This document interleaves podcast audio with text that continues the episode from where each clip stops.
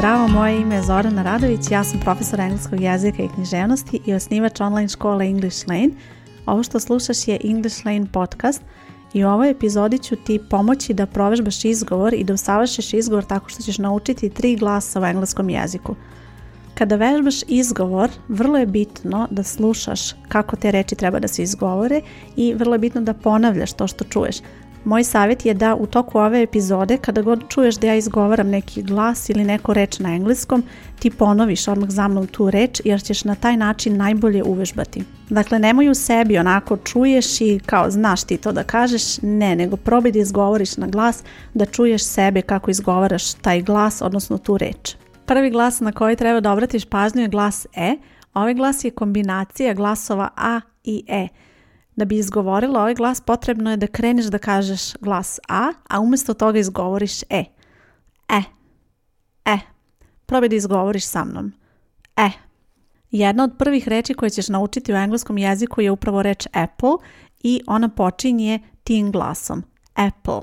Ono što sam primetila kod polaznika koji pohađaju kurs Engleski 101, to je kurs za apsolutne početnike koji je dostupan u mojoj online školi, je da e, nakon što oni urade prve dve lekcije, znači oni imaju zadatak da snime sebe kako čitaju prve reči i da to pošalju i nakon toga ja to preslušam i primetila sam da nekih 30-40% ne uspe da izgovori taj glas E na početku reči, Umesto toga oni izgovore ono što je najpribližnije. Dakle, ili izgovore A, pa to zvuči apple, ili izgovore E, pa to zvuči apple.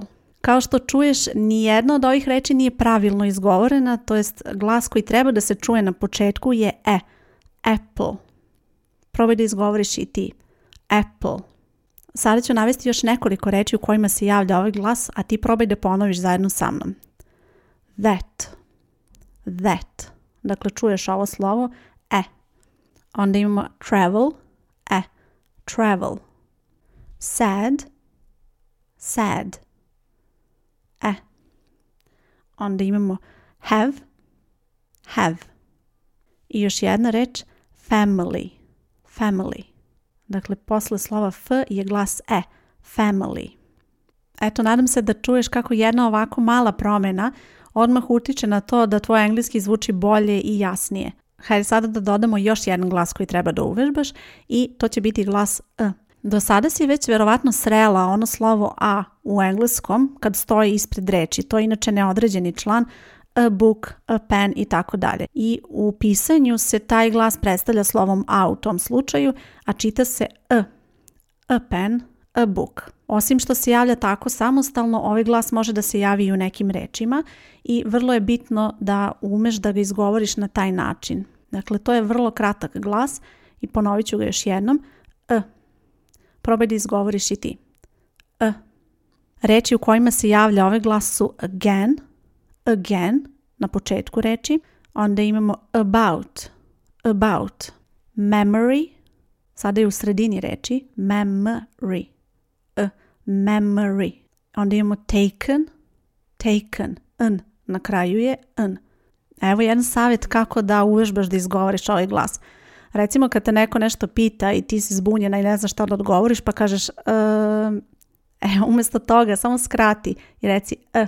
I to je taj glas e, koji ćeš čuti u mnogim rečima u engleskom jeziku i naravno vrlo često ćeš izgovoriti taj glas kada vidiš neodređeni član u nekoj rečenici.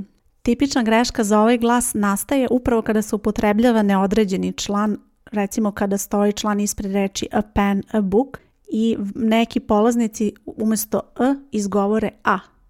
A pen, a book. To bi bilo pogrešno. Znači vrlo je bitno da kažeš e u toj situaciji. Naravno, neodređeni član u nekim situacijama može da se čita i a. E to je naglašeni oblik, ali u najvećem broju slučajeva koristit ćeš ovaj neutralni oblik e. Do sada smo obratili pažnju na dva glasa, prvi je bio e, drugi je e, a i ovi treći će ti biti jako koristan u konverzaciji i u pitanju je glas th. Th. Ovaj glas je vrlo specifičan za engleski jezik i vidjet ćeš da će u pisanju uglavnom biti napisana slova T i H i zajedno ta slova se čitaju Th. Sada ću ti objasniti kako da izgovoriš ovaj glas. Prvo probaj da izgovoriš slovo T, obično T, T, T. Kada izgovaraš ovaj glas, jezik udara u nepce. Kada želiš da izgovoriš glas T, probaj da uradiš isto, znači da probaš da izgovoriš isti glas T, ali u ovom slučaju jezik mora biti između zuba. Th probaj malo duže. Vidiš kako sam sad drugi put izgovorila duže. Th, th. U tom slučaju glas koji izgovaraš neće biti t, neće biti f. To je ono što najčešće izgovore, znači umjesto ovog glasa, već će zvučati pravilno. Th, th. Probaj još jednom, znači izgovaraš slovo t, ali jezik mora biti između zuba. Hajde sada da probaš da izgovoriš neke reči sa mnom.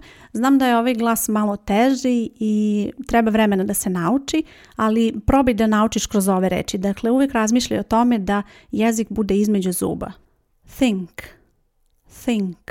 Dakle, većina ljudi kada krene da uči engleski jezik će reći think, i razumećete drugi, nije to toliko veliki problem, ali da bi usavršila izgovor i da bi bolje zvučala pred drugima, moraš da uvežbaš taj glas koji je tipičan u toj reči. Dakle, u ovom slučaju to je th, think, think. Onda imamo reč throw, throw. Onda imamo broj THREE, THREE.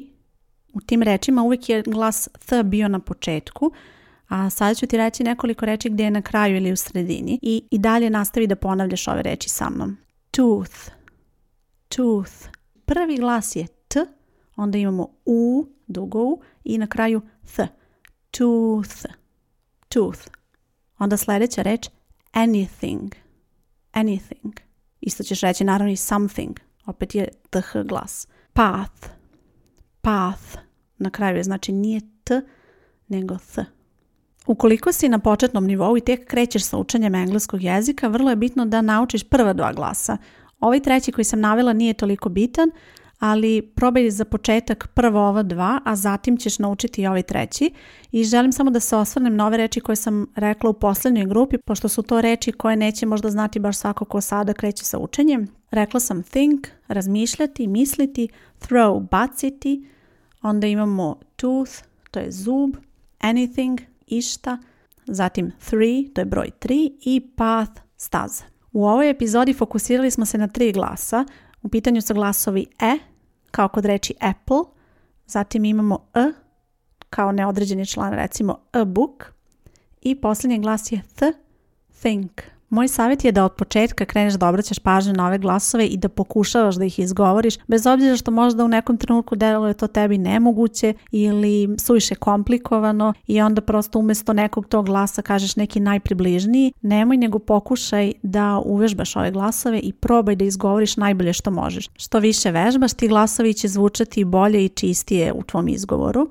Kada vežbaš čitanje i izgovor, vrlo je bitno da pričaš na glas, da čuješ sebe kako izgovaraš reči i da se zaista potrudiš da izgovoriš te glasove najbolje što možeš. Ja ovaj problem rešavam u mojoj školi tako što sam omogućila slanje zadatka čitanja i to znači da ti recimo dobiješ neki tekst koji treba da pročitaš na engleskom i treba da klikneš, da snimiš zadatak, zatim imaš mogućnost da preslušaš to i onda treba to da pošalješ i naravno ti ćeš u tom procesu slušanja odmah primetiti već svoje neke greške i vratiti se onda snimiti ponovo i snimiti tako nekoliko puta dok ne pošalješ e, onako odličan zadatak da si zadovoljna čitanjem i kroz taj proces ćeš zapravo vežbati čitanje i e, naterati samu sebe da provežbaš ove glasove i da ih izgovoriš najbolje što možeš. Ne radiš ti ovaj zadatak samo da bi snimila i poslala meni da ja to preslušam, što ću ja naravno uraditi i dati povratnu informaciju, već je bitan taj proces učenja i kroz taj proces ćeš ti naučiti i uvežbati čitanje. Naravno, ako nisi član škole, uvek možeš pronaći neku aplikaciju za snimanje glasa koju ćeš instalirati na mobilni telefon ili na kompjuter